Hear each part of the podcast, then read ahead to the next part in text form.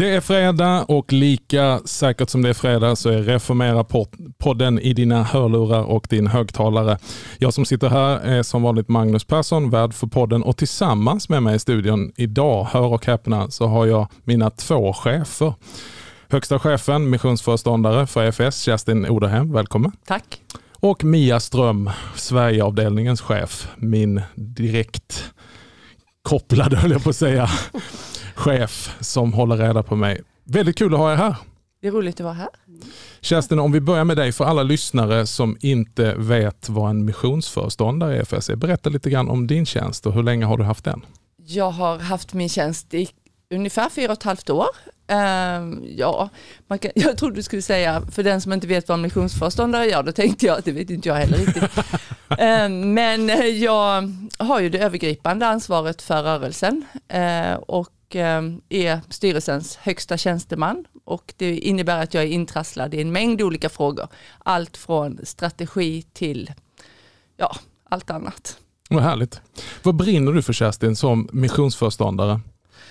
Ja, jag brinner för, eh, jag brinner för en massa olika frågor. Förstås så brinner jag väl för mission. Mm. Jag leder ju en missionsrörelse. Jag vill att människor ska få lära känna Jesus och det som är EFS vision, människor och samhällen förvandlade av Jesus. Uh, nu i veckan så var jag på en av avdelningarna här på EFS kansli, kommunikation och insamlingsavdelningen och fick tala vision. Och jag hade så mycket att säga så jag höll på i 50 minuter och sen kände jag bara nej, nu får det räcka. Det är härligt. Så nu vet ni alla lyssnare what you're in for. Det blir mission och den visionsformuleringen har du varit med och plockat fram Kerstin? Ja, men det är inte jag som har hittat själva den ordalydelsen. Men eh, jag har varit med att ta fram den och den eh, känns väldigt eh, härlig och skapar mycket längtan.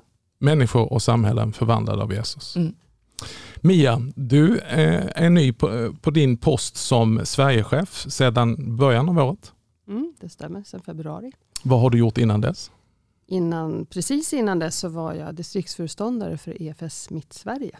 Just det. Och innan dess så var jag präst i Svenska kyrkan, mm. Lidingö församling. Och nu har du det stora nöjet att hålla reda på en avdelning där bland annat jag finns. Mm.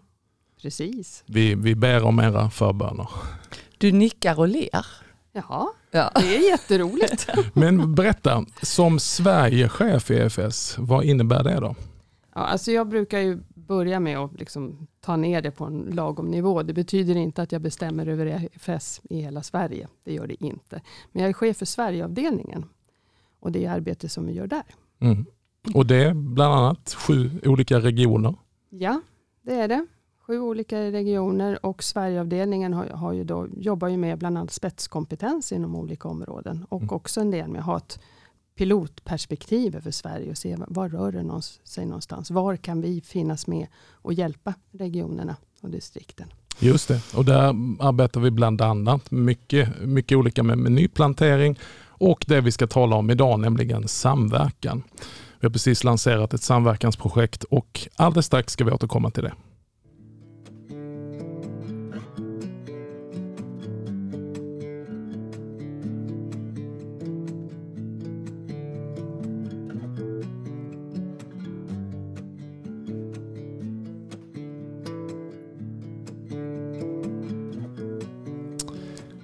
2020 så kom ju den här rapporten ut. Samarbetskyrkan. En fråga om eklesiologiskt kapital. Och den gjorde Marie Rosenius, då verksam vid Åbo akademin eh, på uppdrag av eh, kyrkokansliet, avdelningen för kyrkoliv, där man genomlyste lite grann just EFS i allmänhet som en inomkyrklig rörelse och de olika samverkansformer, inte minst samarbetskyrkan som ett fenomen. Och eh, Den här fick ju väldigt goda och många ringar på vattnet när den kom ut. Det är ju en, en studie och en forskningsprodukt så det är ingen skönlitterär eh, bokupplevelse på det viset. Men för oss som är intresserade av den här frågan så lyftes det ju fram väldigt många intressanta inomkyrkliga kapital som EFS som missionsrörelse i Svenska kyrkan bidrar med. Vad, vill ni säga någonting kort om det? Den ligger ju som grund till det här större projektet vi nu har lanserat, samverkansprojektet. Börjar du med? Ska jag börja? Okej. Okay. Nej, men jag tänker att, att, att den just, om man ska ta ett helhetsgrepp om det, så är det lite grann som att EFS i vissa håll i Svenska kyrkan har varit den här dolda skatten. Mm. Och nu har man börjat gräva upp den skatten. Och den här, eh, den här boken, eller forskningsrapporten, lyfter liksom upp vad, vad är det för något vi har haft nedgrävt mm. i vår jord. Och Jag tycker det är spännande just att det är en studie, för att det här är ju inte då Marie Rosenius tankar. Ibland så får jag frågan, jaha det är en Rosenius. Det låter som ett beställningsjobb inifrån rörelsen, men det är det alltså inte.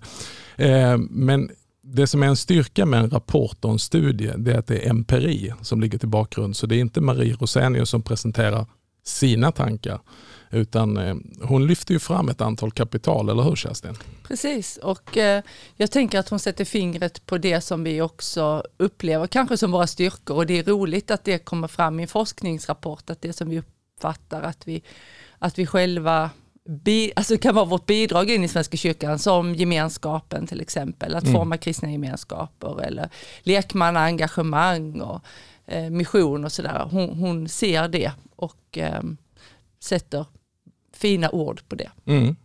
Och Det här tycker jag är intressant, för om man då ska, för den som inte är liksom bekant med EFS som rörelse, så om man då går tillbaka till, till rötterna, så på 1800-talet så fick vi faktiskt se kanske den sista stora folkväckelsen i vårt land. Verklig folkväckelse där mängder, tusentals och tiotusentals människor blev antingen väckta i sin tro eller kom till tro av olika väckelserörelser, varav många väckelserörelser ja, eh, fick inte utrymme av olika skäl i Svenska kyrkan, eh, flyttade ut väckelsen ur kyrkan och bildade eget och blev frikyrka.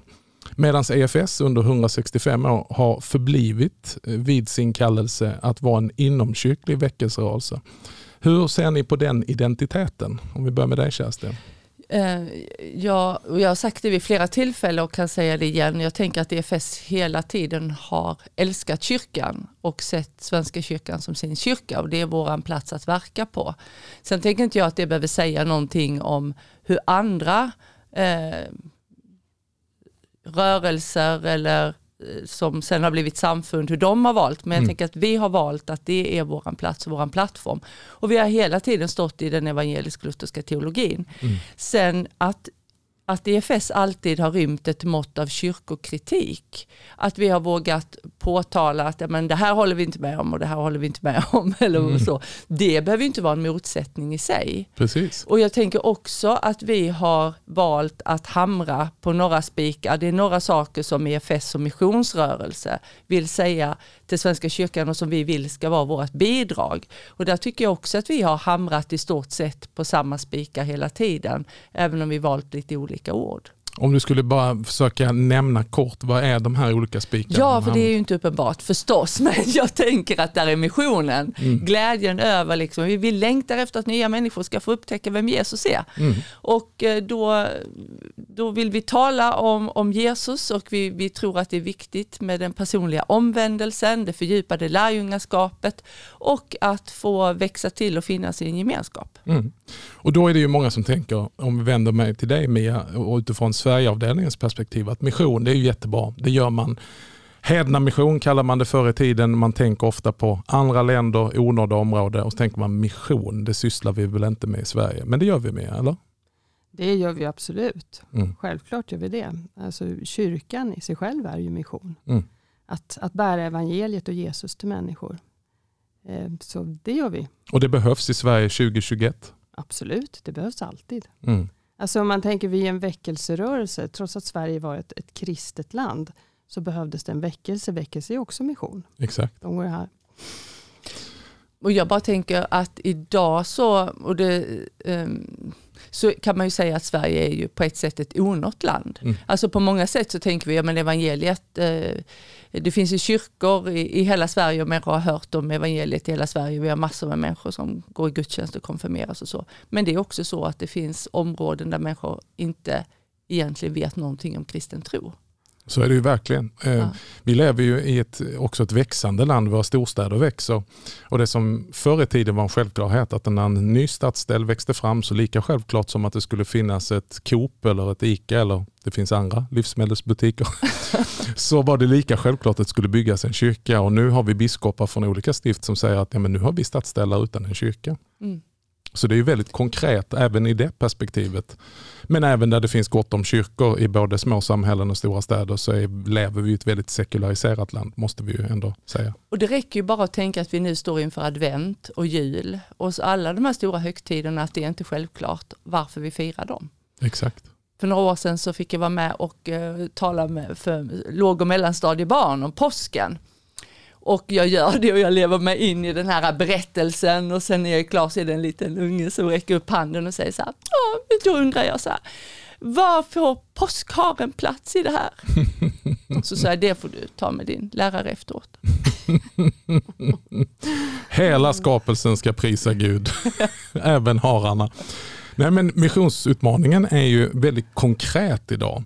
Det är ju någonting som man också talar om i vår kyrka, att vi behöver nå nya generationer, men vi behöver också göra det som EFS från början gjorde, det vill säga bygga gemenskap av sådana som hade blivit väckta av evangelium, alltså som kanske hade någon sorts nominell tillhörelse, eh, till, tillhörde kyrkan men som inte hade en levande tro. Att, att väcka människor i insikten vad de faktiskt äger i sitt dop.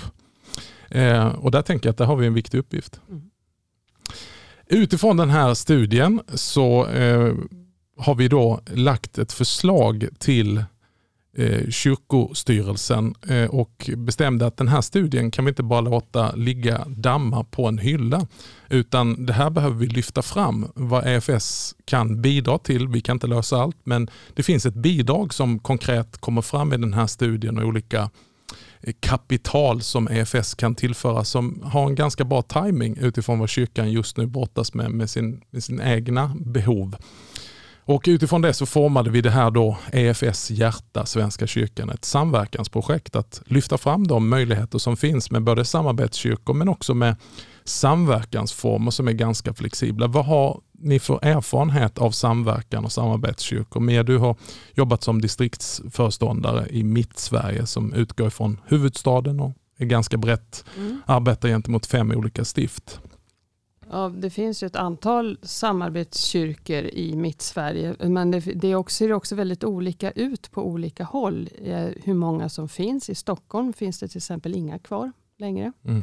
Eh, och det finns en hel del historik varför, var, runt varför det blir som det blir. Och på andra håll så finns det flera. Mm. Eh, och samarbete, hur det i praktiken fungerar, tänker jag, det beror ju väldigt ofta också på hur, hur, hur relationerna ser ut. Mm. Hur väl man kan ta vara på varandra och uppskatta varandra.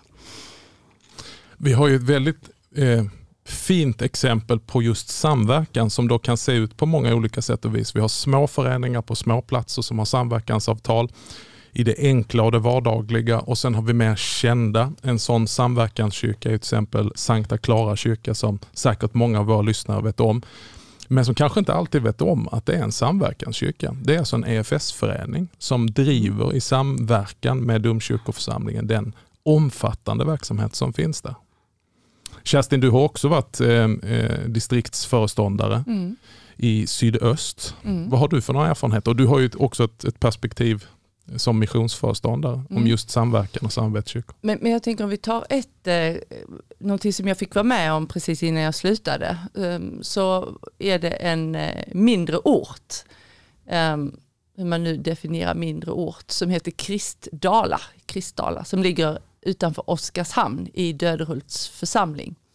Och eh, där fanns det en EFS-förening och där fanns det en, eh, ja men en stor eh, svensk, eller stor och stor, men alltså där fanns den svenska kyrkan eh, gudstjänstfirande gemenskap och så slutade han som var kommunister där och då hörde kyrkoherden av sig. Så sa han, Kristdala är litet, vi eh, skulle behöva träffas och prata om vad är vår gemensamma vision, både från EFS och från Svenska kyrkan, för det här samhället. Och så hade vi en jättespännande kväll med kyrkorådet och med EFS styrelse och så drömde vi en gemensam dröm för samhället. Och sen slutade den kvällen med att vi pratade om, tänk om det skulle vara så att vi startar en samarbetskyrka. Mm. Och så blev det så. Fantastiskt. Uh, och det har visat sig bli väldigt bra och bära god frukt. Det är en av våra eh, senast startade, inte den senaste, mm. men den har varit igång nu i ungefär fem år. Mm. Det är ju, jag har ju förmånen att jobba med, med just samverkansfrågor. Vi ska komma tillbaka till det här projektet. Men jag tänker på, bara för någon vecka sedan så var det den stora tidningen Dagens Gala. Där man ger priser, är det väl man ger till olika opinionsbildare och församlingar och så vidare. Och då blev det ju faktiskt årets församling var ju en samarbetskyrka, Öjersjö kyrkan utanför Göteborg som också finns med i ett reportage i tidningen. Men vi ska alldeles strax återkomma till tidningen.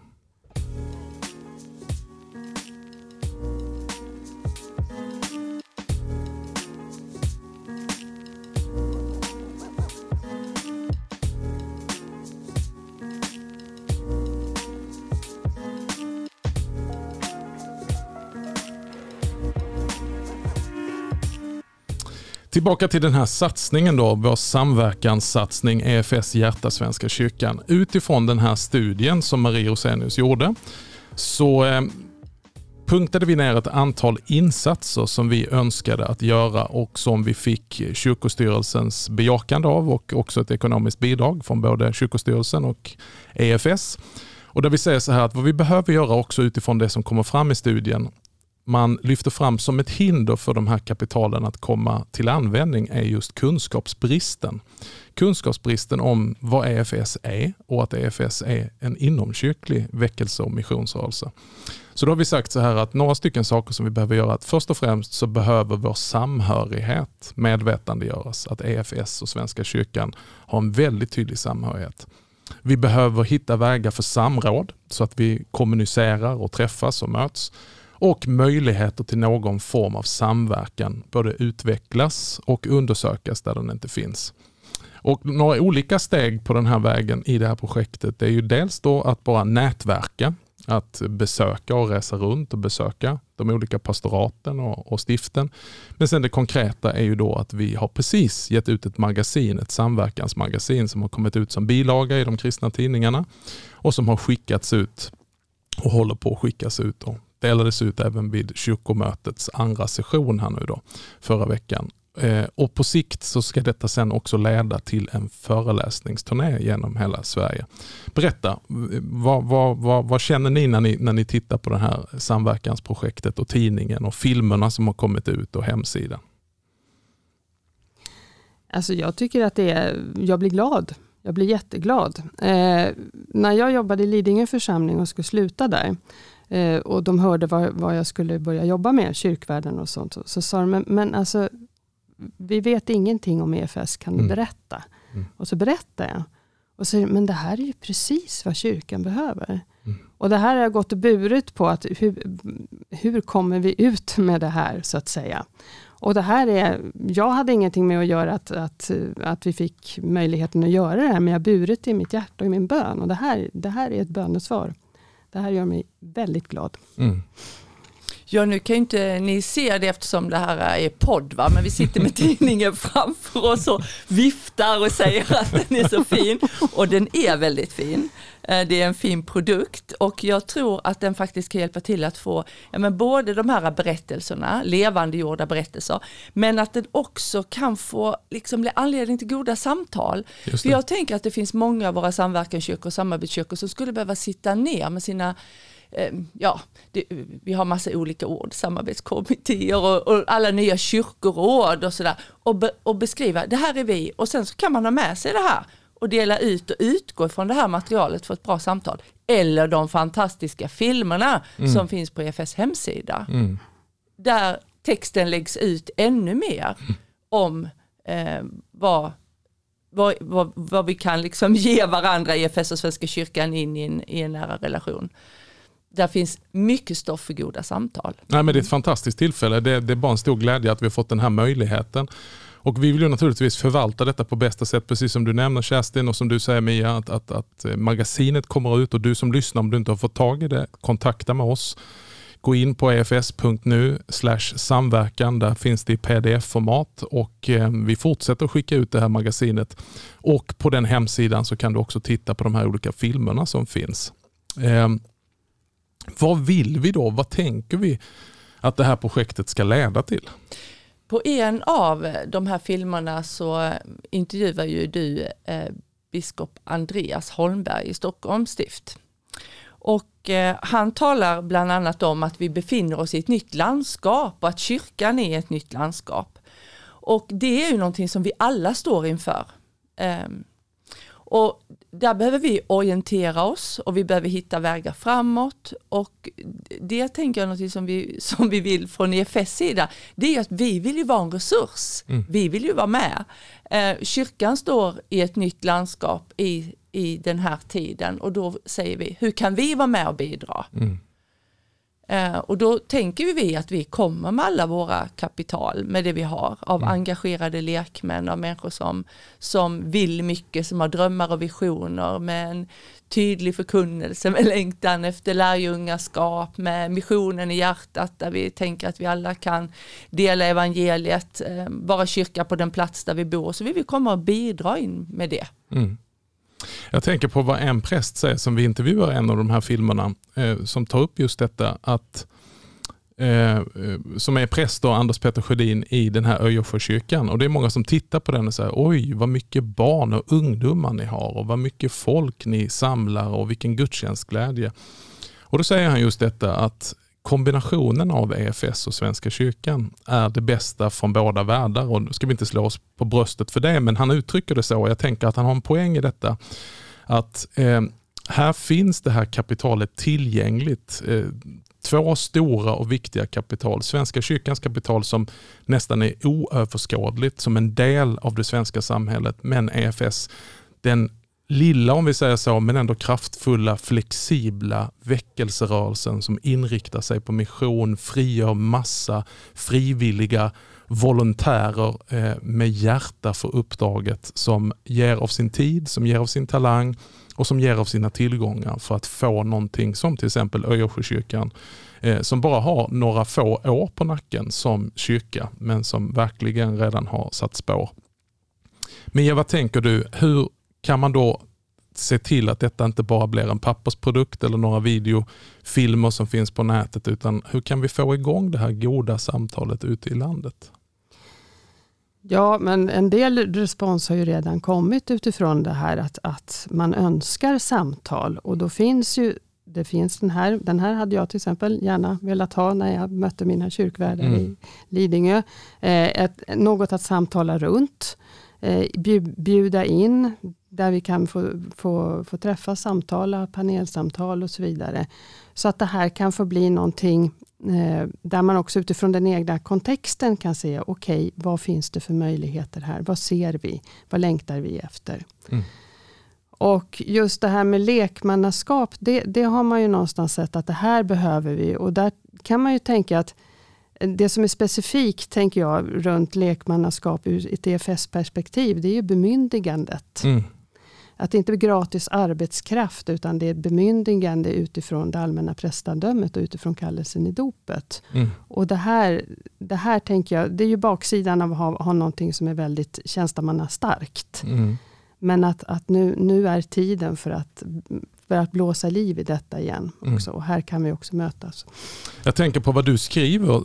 Du skriver en artikel om just detta Mia i eh, Samverkansmagasinet som vi kallar för hjärtan som brinner och händer som bär. Och Det är ett viktigt perspektiv för ibland då när jag är ute och för mina samtal i Svenska kyrkan så kan man ju då lite förenklat tänka EFS som gratis arbetskraft. Ja men vad bra, här kommer frivilliga män in.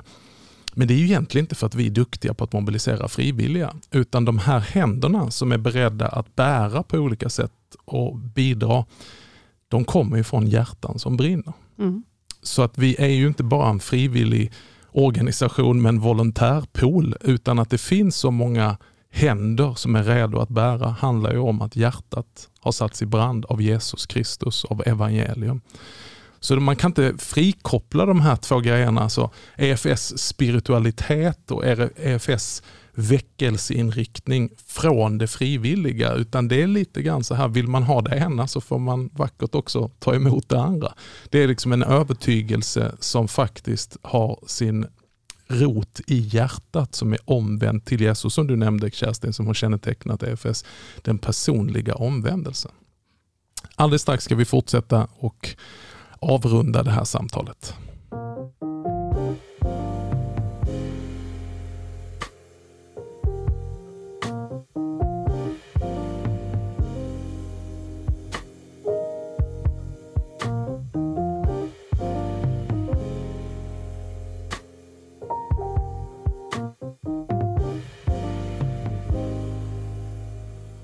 Ja, vi sitter alltså här i studion idag i Reformera-podden tillsammans med Kerstin Oderhem, missionsföreståndare för EFS och Mia Ström, chef för Sverigeavdelningen. Och vi diskuterar det här samverkansprojektet som precis har lanserats. En eh, samverkansmagasin som har kommit ut, en 24 sidors tidning som har kommit ut som bilaga i de kristna tidningarna ett antal filmer som vi har gjort tillgängliga som vi hoppas ska visas i många kyrkofullmäktige och kyrkoråd och en resurssida på eh, nätet efs.nu samverkan som vi uppdaterar regelbundet för att ge material och underbygga det som både Mia och Kerstin har nämnt, att ge resurser och material för att det goda samtalet ska ta fart.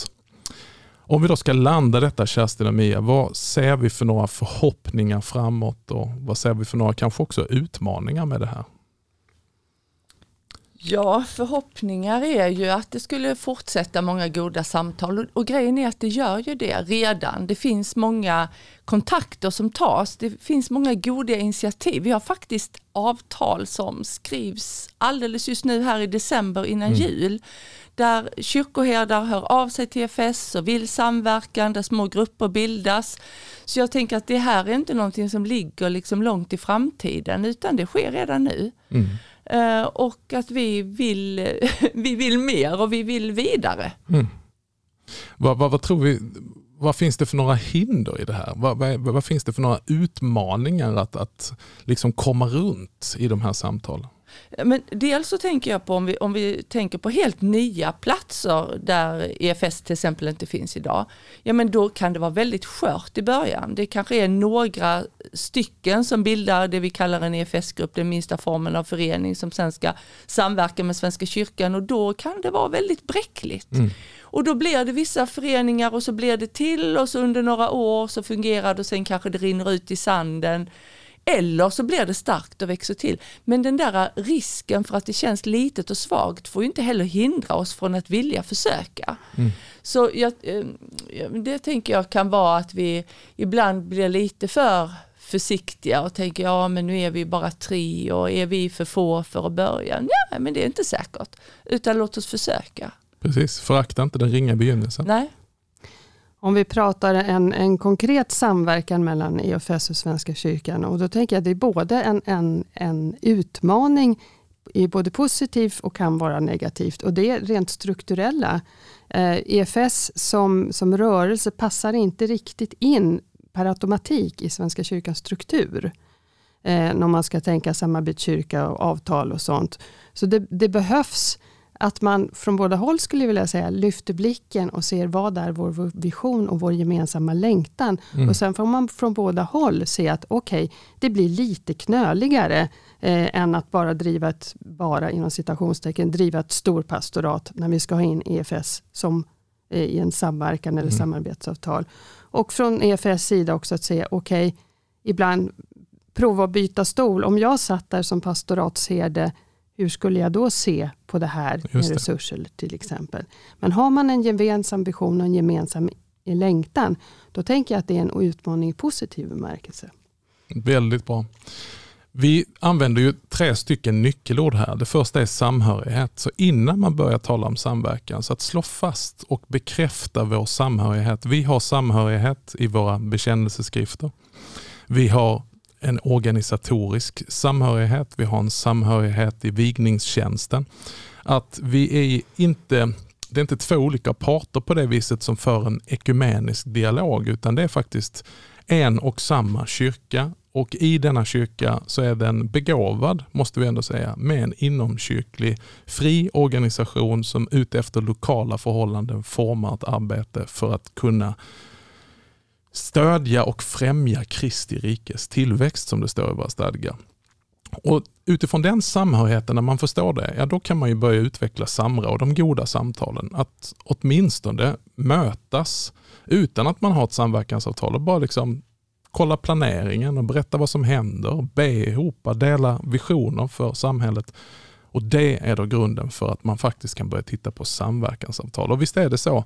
Det finns väl lika många samverkansavtal och former och flexibla varianter på det som det finns samverkansavtal. Ja, precis. Och låt det vara så. Exakt. Jag tänker att det finns ju en, rä liksom en rädsla att eh, eh, vara för spretigt. Men jag menar, låt oss titta på varje plats. Vad kan vi samverka kring? Ja, det är jättebra. Det är en styrka att samverkansavtalet just är flexibelt och det tar sin utgångspunkt i de lokala behoven och förutsättningarna. Så eh, tack ska ni ha Kerstin och Mia för att ni var med i det här eh, poddavsnittet och tack för allt stöd. Eh, utan er hade det inte varit möjligt att göra det här projektet. Och Vi vill passa på att också uttrycka ett varmt och stort tack till kyrkostyrelsen. Det gör vi verkligen. Och tack till våra biskopar som eh, har uttalat sig och många på stiftsnivå som har eh, hejat på oss och uttryckt sin positivitet eh, till detta. Och jag är speciellt tacksam av att man betonar mångfalden. Kyrkan har aldrig i hela sin historia varit likriktad eller strömlinjeformad utan det har varit ett brokigt bygge där det har funnits en rymlighet. Det är högt till tak och stora marginaler i kyrkan. Och Vi måste slå vakt om marginalerna för genom kyrkohistorien så ser vi att det är från marginalerna som väckelsen ofta har kommit. Därför så är det bra att ge utrymme för det som ibland kan upplevas som marginella rörelser. Men dessa marginella rörelser har bidragit med impulser till att vitalisera kyrkan. Och är vi då inne på tacktalarlistan Magnus så måste vi väl också bara tacka dig. Och vi, mm. Det är många som är involverade i det här projektet, eller hur? Det är många. Det är många. Ja. Ett stort tack att du har lyssnat till Reformera-podden ytterligare en fredag och som sagt ta gärna en titt på efs.nu samverkan. Där kan du läsa mer om samverkansprojektet EFS Hjärta Svenska kyrkan. Tills dess önskar jag dig Guds rika välsignelse och jag hoppas att du är med oss även nästa fredag.